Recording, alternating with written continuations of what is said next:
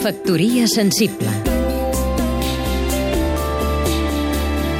Ramon Muntaner, músic i gestor cultural. Aquests dies, arrel de la mort de Sara Montiel, s'ha parlat molt d'una de les cançons que més l'identificaven, Fumando Espero, que va incorporar al seu repertori quan va protagonitzar la pel·lícula El último cuplé l'any 1957. D'aquest famós tango se n'han fet, a part de la pròpia Sara, multitud de versions entre les que podríem citar les de Rosita Quiroga, Libertad Lamarque, Carlos Acuña, La Bella Dorita, Imperio Argentina, Pilar Arcos, Mari Sampera... Doncs bé, el que poca gent sap és que l'autor de la música d'aquesta cançó, estrenada l'any 1923, va ser un músic nascut l'any 1885 a Manlleu, que es deia Joan Viladomat. La lletra era de Fèlix Garzo. En Joan Viladomat s'instal·la l'any 1910 al Paral·lel de Barcelona on obre una acadèmia de varietés.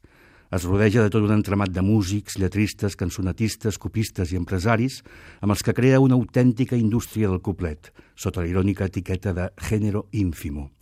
Entre les seves obres podem trobar tangos, foxtrots, valsos, cuplets, sardana, xoti, charlestons i alguns dels seus títols més coneguts van ser el foxtrot de les campanes, aclamat als cabarets alemanys d'entreguerres, el cuplet El Regueso que triomfava als bulevards de París, el popularíssim El vestit d'en Pasqual o sardanes com Catalunya plora dedicada a la mort d'Àngel Guimarà o la sardana republicana.